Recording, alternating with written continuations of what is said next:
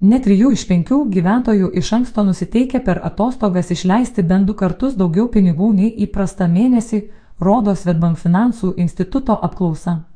Tačiau ir juos, ir norinčius atostogauti griežto biudžeto ribose, užklumpa neįtin malonios išlaidos, kurių galima išvengti.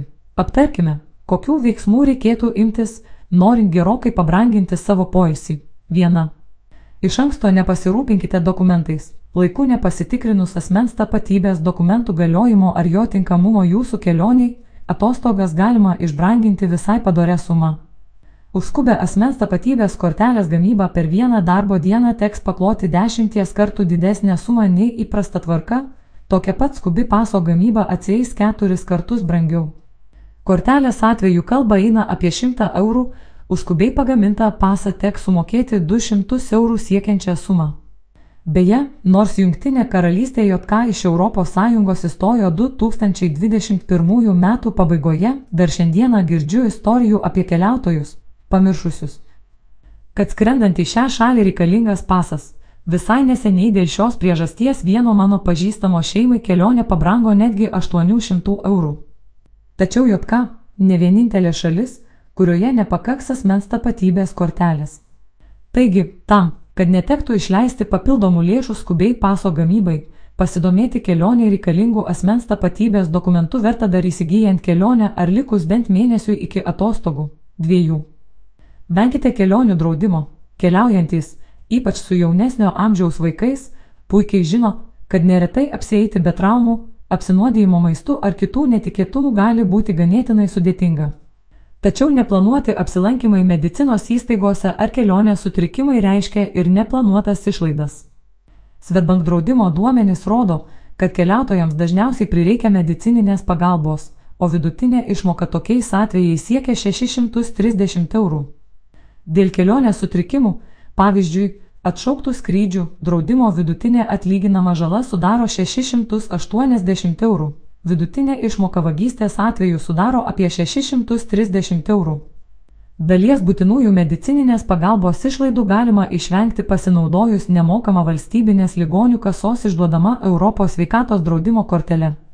Tiesa, ji neatstoja sveikatos draudimo ir neužtikrina, kad šios paslaugos bus visiškai nemokamos, nes tai priklauso nuo konkrečios šalies sveikatos priežiūros sistemos. 3. Nuomokitės būstą be virtuvės.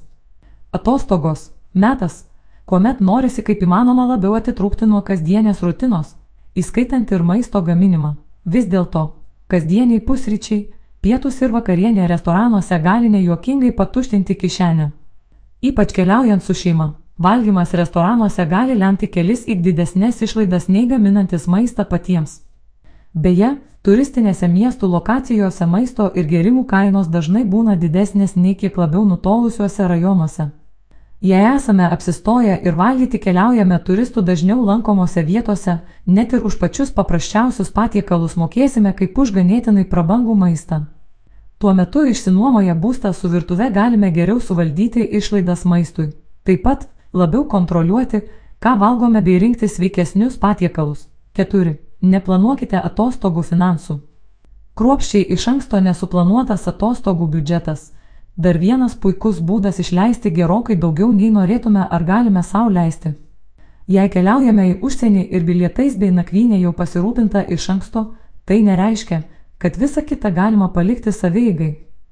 Pernelyg atsipalaidavus ir įsijautus į polsio režimą mūsų išlaidos bus tikrai didesnės nei įprasta mėnesį, taigi iki kito atlyginimo gali tekti graužti džiuvesėlius.